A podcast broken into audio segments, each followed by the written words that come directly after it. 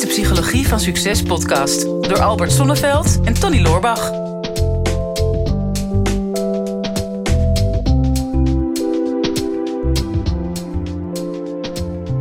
Daar zijn we weer, uh, Albert. Ja, je begint niet al te lachen. Ja, ik zie een glimlach van oor tot oor, Tony. Wat ben je Ja. toch blij, man? Ja, ja, kijk, de luisteraars hebben dat niet in de gaten gehad. Want die horen ons gewoon elke week. Maar wij hebben eh, een maand of eh, drieënhalf geen podcast opgenomen. Nee, ja, Nee. ik moest gewoon opnieuw de weg vragen hier naartoe. Zelfs mijn navigatiesysteem was gedateerd geraakt. ja, snap ik. Ja. ja, we hadden de hele voorraad in de voren opgenomen. Ja. Om even een keer een lekkere sabbatical te nemen. En eh, zonder dat dat op zou vallen. Maar het is wel even weer, eh, het is wel weer wennen. Ja, maar ik moet je zeggen, we zijn nog geen minuut verder of ik ben er alweer helemaal klaar voor. Ja, nu al. Ja, Je hebt ook gewoon op de rand van het bed zitten wachten totdat die drie maanden voorbij waren. Sterker nog, ik ben niet eens naar bed gegaan. Nee. ja. Nou, nou ja, het is fijn. eh, het is toch drie maanden. Het is fijn dat je, fijn dat je er nog bent. dat weten we natuurlijk niet. Nee, nee, nee. We gaan het hebben over een soort van eh, vergankelijkheid en eh, ja, op een hoge leeftijd nog vitaal blijven. Ja. Dus ja, dat sluit wel een beetje aan van ik ben blij dat je er nog bent. Ja, zeker. Dus ja, nieuwe reeks, nieuwe kansen. Ehm, we gaan eh, natuurlijk niet al te ver eh, afwijken van het format. podcast gaat door. We hebben echt wel behoorlijke paniek in de wereld eh, gebracht toen we Nou, zeiden we gaan ermee stoppen. Klein beetje teaser natuurlijk, klein beetje marketing, omdat we de aandacht wilden vestigen op het feit dat we met Brein TV zijn gestopt destijds. Ja. Maar de podcast gaat gewoon door. Maar we gaan wel een klein beetje wat aanpassen. Ja, we gaan onder andere werken met rubriekjes. Ja. Want we willen het toch nog een klein beetje interactiever maken. Mhm. Eh, Want je kunt natuurlijk eh, heel passief luisteren. We krijgen heel vaak reacties van mensen. Oh, het is zo waardevol en ik krijg zulke mooie inzichten. Maar alleen met inzichten, dan kom je er niet mee. Mm. Want eh, ja, ik zeg altijd, action is the language of the universe. Mm. En dat kan ook in het Nederlands. Nou, je- ik Ja. kom er ook niet met in, inzichten. in beweging komen is natuurlijk de taal van het universum. Met andere woorden, ja, het gaat pas tellen als je er ook echt iets mee gaat doen. Dus een van de rubrieken is groeigeluk. Oh, ja. Hebben we maar eventjes bedacht. Ja. En ehm, ja, dan krijg je een opdrachtje mee. Dus wanneer je naar ons luistert en je denkt, oh ja, dat is toch wel een interessant onderwerp. Maar ik wil er ook graag iets mee doen. Maar waar ga ik dan mee beginnen? Wat wordt dan een eerste stap? En daar gaan we je mee helpen met die eerste stap. ja, Dat is één rubriek. Ja. En dan hebben we ook nog een rubriek die, eh, die gaat over een bekrachtigende vraag. Eh, ik heb zelf altijd gemerkt in mijn leven, ook bij mijn cliënten en bij mijn medewerkers, dat dat altijd heel goed werkt. Een positief geformuleerde vraag. Ook weer rondom dit onderwerp. Mhm. Ja, en dat geldt ook weer hetzelfde. Als je een vraag stelt, dan gaat je brein lekker actief worden en gaat op, op zoek naar antwoorden. En daar willen we je hebben in actie. Ja, dan weet je het wel goed te verkopen. ja. en, eh, en dat is nog maar het begin. Hè? Want ehm, we willen nog wat meer rubrieken verzinnen. Maar eh, dat hadden we eigenlijk eh, pas eh, voor een nieuwe ronde bedacht. Ja, nu deze twee alvast. Dus we gaan maar gewoon een beetje grow as you go. Hè? Dan nemen we luisteraars gewoon mee in ons, eh, in ons creatieve proces. Ja. Eh, dat gaan we aanpassen. En we gaan even experimenteren met, eh, ja, dat is misschien minder leuk nieuws, maar met een eh, lagere frequentie. Ja, Om te kijken of het eh, één keer in de twee weken voor ons eh, net zo leuk zou zijn als één keer in de week.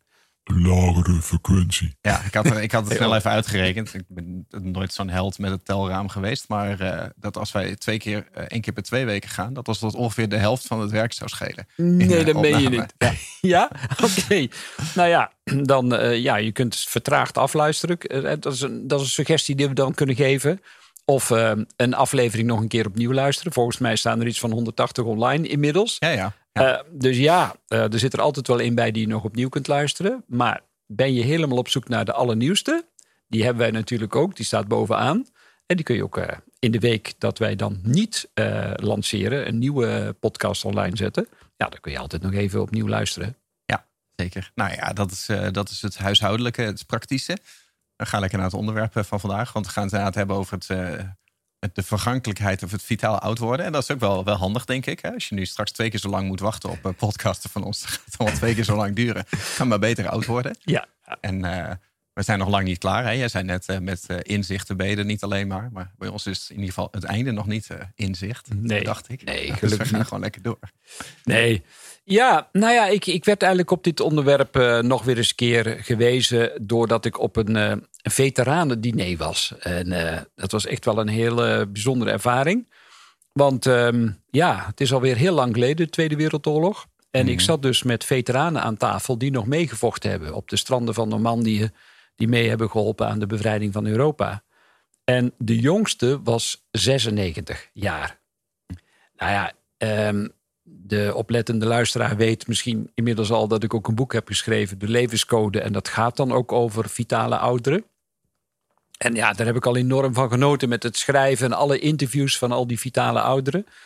Ehm, en daar zijn ook ja, de zes kenmerken uitgekomen, of de, de zes pijlers die nodig zijn om in ieder geval vitaal oud te kunnen worden. Mm nou ja, dan gaat het niet alleen maar over de kwantiteit uh, natuurlijk van tijd, maar ook kwaliteit.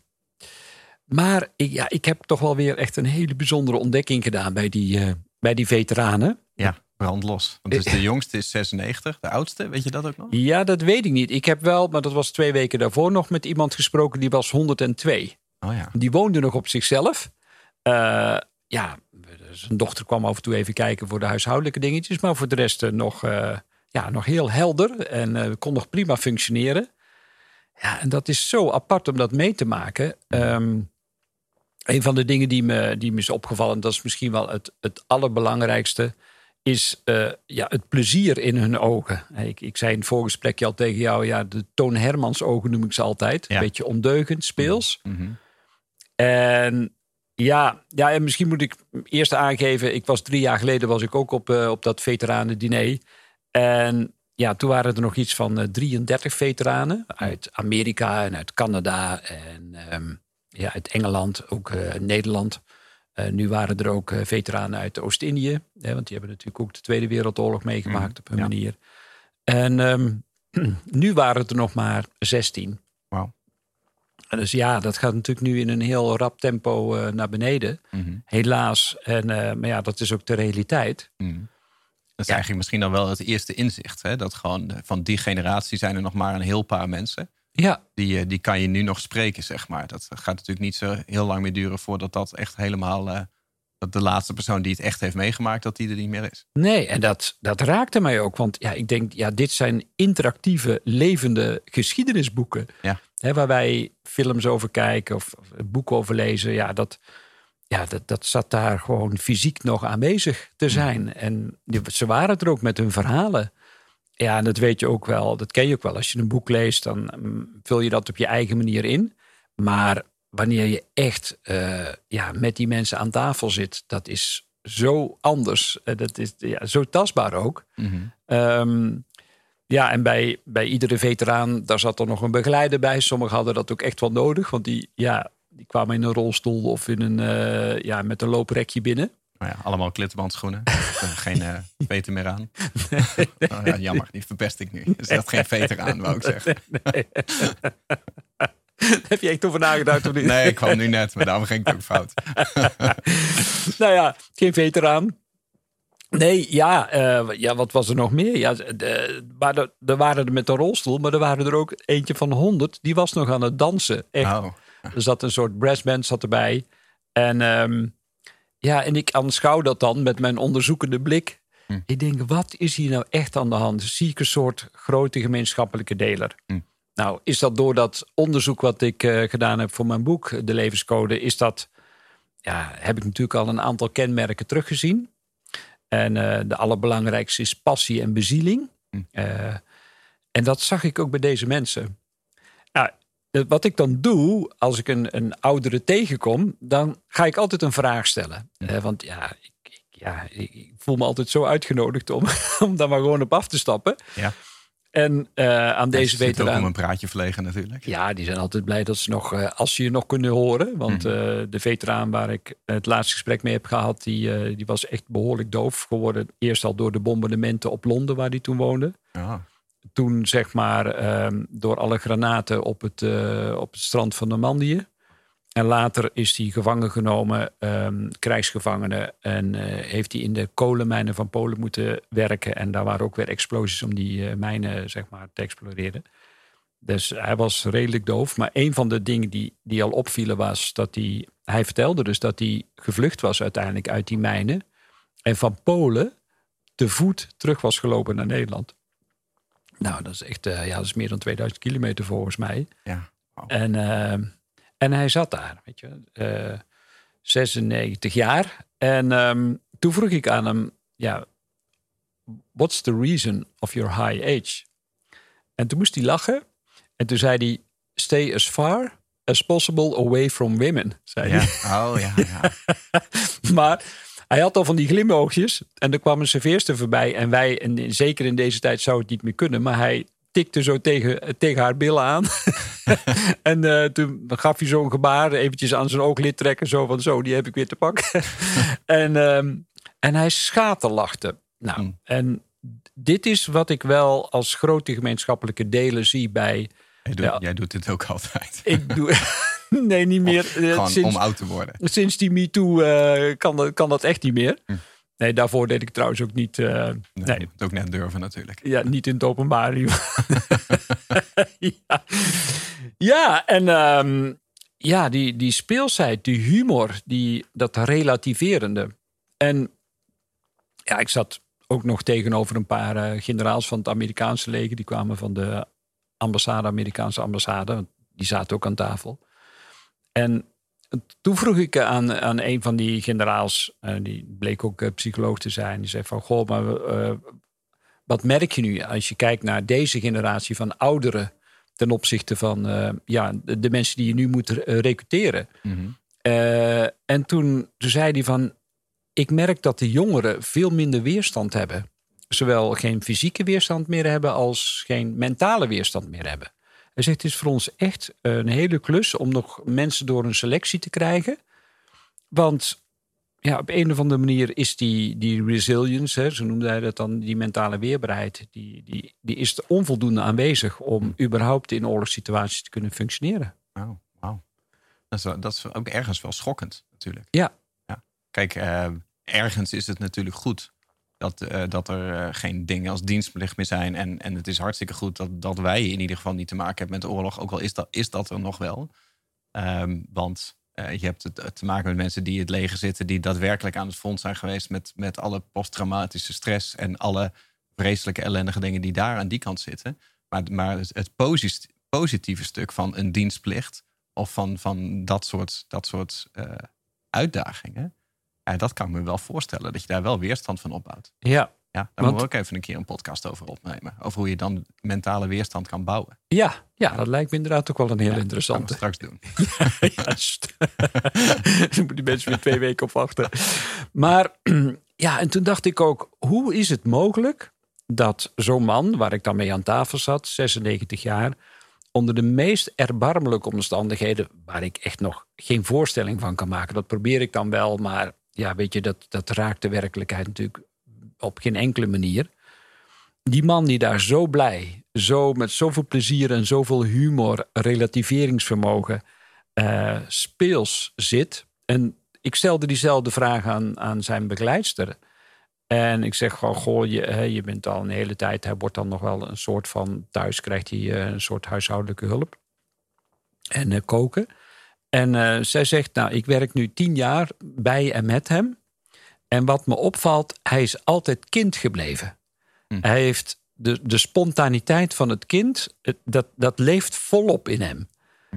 En nou ja, misschien komt hier dan al gelijk eh, het, het rubriekje voorbij Ja. eh, van het groeigeluk. Mhm. Is wanneer je nu eens, eens gaat kijken naar mensen in je omgeving die op een hoge leeftijd nog vitaal zijn.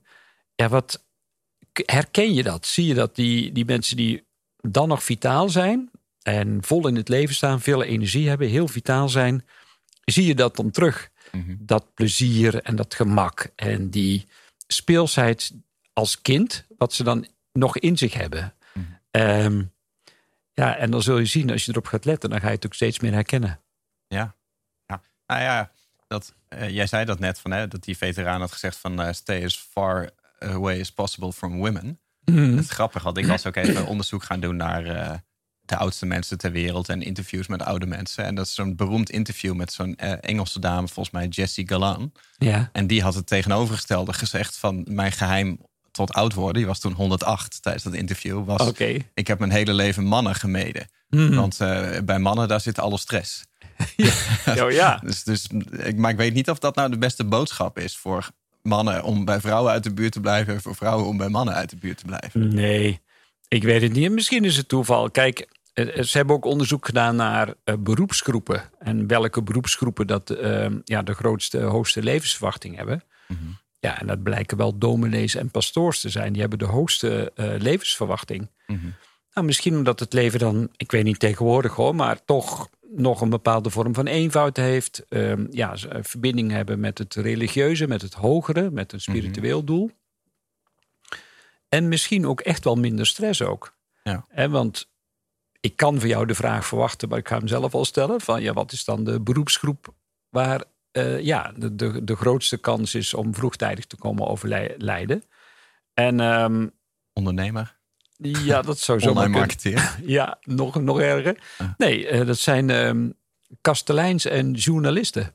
Oh, En nou ja, bij, met name bij journalisten kan ik me wel voorstellen. En, en ook eh, bij, bij koks en alles wat in de horeca werkt, dat daar ongelooflijk veel stress zit. Ja, tegenwoordig bijna overal. Hè, in ieder risicoberoep of ieder zorgberoep zit ongelooflijk veel stress ook.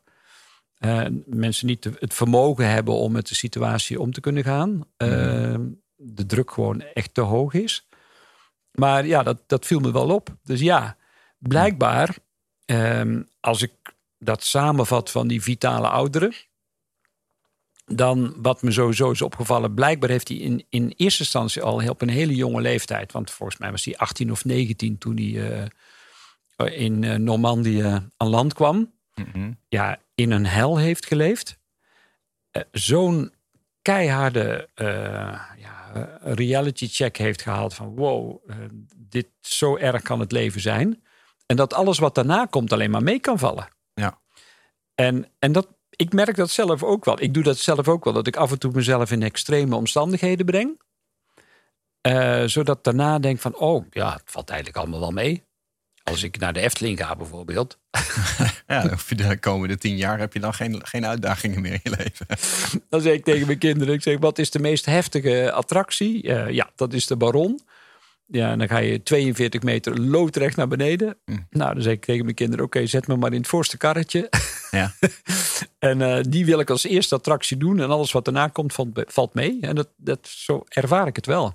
Ja, maar dat, dan ga je wel inderdaad gewoon weerbaarheid trainen. Of gewoon een bepaalde, ja, ik weet niet echt het Nederlandse woord. Threshold, weet je het Nederlandse Ja, een drempel. woord daarvoor? Drempel. Ja. Ja. maar het heeft net een iets andere betekenis. Een Hmm. soort van threshold voor, voor stress opbouwen. Van, hè, Ja, dat je, als je hele leven... Ja, Een buffertje. buffer. Ja, Ja. Is dat wel een Nederlands woord? Lekkere buffer van me. Ja, wel lekker woord. Ja, lekker bufferen. ja. maar ja, als je je hele leven inderdaad geen, geen weerstand hebt. Het is wel bijzonder als je dat verhaal vertelt van wat zo'n man mee heeft gemaakt. Hmm. Met, met bombardementen in Londen. eh, Bombardementen als ver granaten op het strand. Dan nog gevangen genomen worden. Van Polen naar Nederland terug moeten lopen. Kan je dat bijna niet voorstellen dat dat, dat, dat nog maar minder dan 80 jaar geleden Mhm. is. Ehm, en als je dat vergelijkt met de generatie die we nu hebben, wat ze nu de, de pechgeneratie noemen, of eh, de uitdaging, de crisis die wij moeten meemaken, zoals bijvoorbeeld een coronacrisis, waar je eh, af en toe gedwongen wordt om, om, om thuis te zitten voor de televisie. Ik weet dat dat een beetje een cliché is, Ja. maar dat is natuurlijk bijna niet met elkaar te vergelijken. En Nee. ik denk, als je dat zo'n extreme iets mee hebt gemaakt, dan, dan, dan is alles wat daarna gekomen is, voelt dan inderdaad een beetje als een lachetje. Ik kan me heel goed voorstellen dat je daarna, afgezien van de posttraumatische stress, dat je wel eh, heel erg optimistisch door het leven gaat. En dat je heel erg kan genieten van ieder moment. Ja. Ik heb dat, mag je absoluut niet met elkaar vergelijken. Maar een beetje het gevoel was ehm, toen ik met eh, Wim Hof naar Polen ging. Eh, heel lang geleden alweer, 2014. Maar toen gingen we eh, hè, met de Iceman naar Polen. En hij had niet echt een programma. Dus hij deed maar wat. En daar werd ik heel onrustig van. En Mhm. Ja. ik had zoiets ja, die man die zwemt onder het poolijs. En die, die klimt bergen en ik weet niet wat. eh, die allemaal doet. En hij had nog steeds allemaal wilde plannen. Maar die was hij dan ook een paar seconden later weer vergeten. Dus wij zaten daar met het idee van, ja, waarschijnlijk gaan we allemaal hele spannende dingen doen. Maar we weten niet wat. En ook niet op welk moment. Ja. En dan zei hij weer van, ja, kom, eh, we gaan deze week een marathon eh, lopen door de sneeuw. Dan had ik dat al helemaal in mijn hoofd van, nou, hoe gaan we dat dan doen? En dan was hij het alweer vergeten. Dus na een paar dagen had je zoiets van, zolang ik hier binnen op de bank zit met een kop koffie, dan is de wereld klein en veilig. En dan is het, le- dan is het leven goed. En dan ga je heel erg genieten van, van, van het moment. En als je inderdaad iets heel heftigs hebt gedaan. ehm, eh, en het viel dan achteraf mee. Dan, komt er een soort van optimisme in je. Dat je denkt van nou, nu zal het hierna allemaal wel, wel meevallen. En ik denk dat als je dat je hele leven hebt, dat optimisme. ehm, dat dat best wel eens bij zou kunnen dragen aan je levensverwachting. Ja. Nou, het is allemaal niet uh, super hard wetenschappelijk. En het is empirisch onderzoek wat ik zelf gedaan heb voor mijn boek. En natuurlijk, we kennen de blue zones, hè, de blauwe zones. Um, daar is wel een boek over geschreven. Hè, van die mensen die op een hoge leeftijd nog vitaal zijn in andere landen. Zoals uh, Okinawa, Japan en Loma Linda in Californië. En Costa Rica, mm -hmm. Ikaria, Griekenland. Um, ja, dat zijn, dat zijn ook van die plekken waar blijkbaar mensen ja, echt op een hoge leeftijd nog vitaal zijn. Zonder reuma, zonder hart- en vaatziekten, zonder diabetes. En natuurlijk helpt voeding ook mee, helpt beweging ook mee. Dat zijn allemaal dingen die op zich prima werken. Uh, moet je ook echt doen. Maar als je denkt dat je het redt met alleen maar uh, op een worteltje te knagen en dat weg te spoelen met een groene smoothie, ja, dan is er echt wel meer aan de hand. Het is met name die, die mentale veerkracht die mensen ontwikkelen, die uiteindelijk ook helpt of bijdraagt. Uh, uiteindelijk zal er ook zeker een genetische component zijn. Maar ja, als je dan ziet in hetzelfde gezin waar mensen onder dezelfde omstandigheden zijn geboren, met grotendeels hetzelfde DNA dat je toch ziet dat de een vroegtijdig overlijdt en de ander eigenlijk een veel hogere levensverwachting heeft. En als je daar dan op in gaat zoomen, wat is er dan werkelijk anders? Dan zijn dat wel de elementen. Dat mensen weten waar ze voor gaan. Dat ze werkelijk zingeving hebben in hun leven. Of, eh, zoals in dit geval met deze man en deze mannen die ik in het verleden heb uh, geïnterviewd uh, bij dat veteranendiner.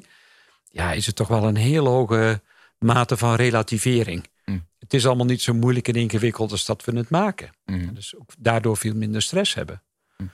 En dat zou ook wel ja, een andere rubriekje kunnen zijn, de bekrachtigende vraag. Ja. En, en misschien kun je hem noteren. En, an, en, anders onthouden. Oh. Nee, maar dat is voor de luisteraar. Oh, nee. Nee, dat is niet. Kan nu niet. Nee, dat is, niks aan Tony. Het kan, uh, het kan gewoon, uh, laat maar even oh, gaan. Ik was even ingedommeld, maar Ja, ja, even wakker. Ja, dat heb je als je wat ouder wordt. Dan, Ja, heb je, dan ga je nog wel snel indommelen. Ja. Nee, maar Gewoon geen stress. een, een vraag die je zelf zou kunnen stellen is: van, wat zou ik zelf kunnen doen nu om het, het kind in mezelf levend te houden? Mhm. Eh, welke actie zou daarbij horen dan? Ja. En ja, het eerste wat in me opkomt is bijvoorbeeld is, eh, te gaan dansen of eh, ondersteboven een klimrek gaan hangen. En, eh, ja. ja, wat Ja. zou jij doen? Hoe ik het, het kind in mezelf zou bekrachtigen. Ja, nee, niet bekrachtigen. Dat zei je De, toch? de Net. ruimte gaat geven. De ruimte. Nee, het is een bekrachtigende vraag. Oh, oh Ja. ja. Oh, wauw. Ja, Ja, ik zit helemaal vast nu. Ja. ik vind het een hele moeilijke vraag. Ik zit helemaal dan terug te denken aan Toon Hermans, inderdaad, die het daarover had. En die ook op hoge leeftijd zei van ja, ik ben, ik ben een dolend kind. Hmm. Met van die pretogen. ja, En dat was inderdaad al het, het grote geheim. Ik denk, ja, het, het kind in mezelf losmaken. Ja. Dat betekent dat je in het hier en nu bent en niet meer bezig bent met de consequenties van, ehm, Ja. van wat je doet. Ja. Weet ik eigenlijk niet. Wat zou jij doen als je mij zou zijn? ja, dat is wel. Ja, wel- snap, Nou. de vlag uit. Maar Ja, als ik, zo- zoals ik jou wel een beetje ken, is denk ik, jij, jij kunt enorm genieten van ehm cabaretiers. Dat is Mhm. echt wel, daar word, daar word je echt een soort blij van. En die hebben dat vaak ook. Die, daar zit zoveel spontaniteit in en ongeremdheid, ehm, provocerend ook. Mhm. Als je alleen al één uitzending zou kijken of luisteren van een, van een favoriet eh, cabaretier, dan komt er ook iets los van ja, dat onbevangene, dat niet dat, dat traditionele of het is dat, hè, dat, oncon, eh, eh, dat het geen concept heeft, dat het gewoon lekker onconventioneel is. Mhm. Ja, dat. Oh, nou, dat valt, dat valt wel mee. Ja, je maar moet- naar iemand anders te gaan kijken die, Ja. die zich als een kind opstelt. ja, maar als je je daar eh, verbonden mee voelt, dan is het ook iets wat er in jou raakt. Dus daar hoef je niet zo ingewikkeld over te doen. Maar oké, dan- ik ga er ook over nadenken. Kom ik op terug. Maar het is dus wel de bedoeling dat je zeg maar het, het, het vrolijke kind in je loslaat. Maakt. Je moet niet zeg maar iets verzinnen dat je als een klein kind gaat gedragen. Als, dat, als je dat te weinig gedaan hebt, dan zou ik dat van harte aanbevelen. Dus dan zou ik gewoon in stampvoetend in de supermarkt gaan liggen. ik wil nu een ijsje. En kijken wat er gebeurt. Oké. Ja, bijvoorbeeld. Ja, gewoon. Het is, het is toch heerlijk om eh, ja, iets wat je misschien net iets te weinig hebt uitgeleefd in je leven, om dat nu alsnog te doen. Ja, soms is het wel zonde. Hè? Dat sluit zo mee af. Maar eh, je, ik, ik loop wel eens in de supermarkt. Heel af en toe nog, doe ik dat nog eens een enkele keer. Ja. En dan loop je door die, door die snoepgang. Hè? Mhm. Eh, die, eh, en dan denk, je, dan denk ik van, oh, als ik hier toch, laten we zeggen, 20, 25 jaar geleden... met mijn huidige autonomie en mijn huidige budget had gelopen...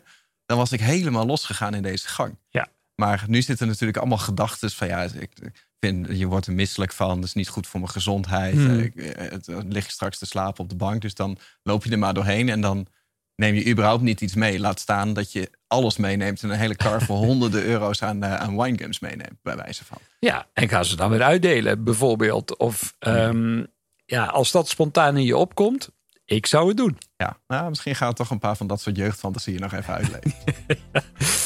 Nou ja, dat was de opdracht. Gaan we het, eh, hoe gaan we het afsluiten, Tony? Deze nieuwe podcast. eh, ja, ik weet niet. Jij hebt deze rubrieken bedacht. Ik denk dat het wel goed is om af te sluiten met de bekrachtigende vraag. ja. Ja, dat heb je nu gedaan, maar herhaal hem nog één keer en dan laten we het daarbij. Ja, wat, wat zou ik nu kunnen doen om het kind in mezelf meer vrij te laten? Dit is de Psychologie van Succes podcast door Albert Sonneveld en Tony Loorbach.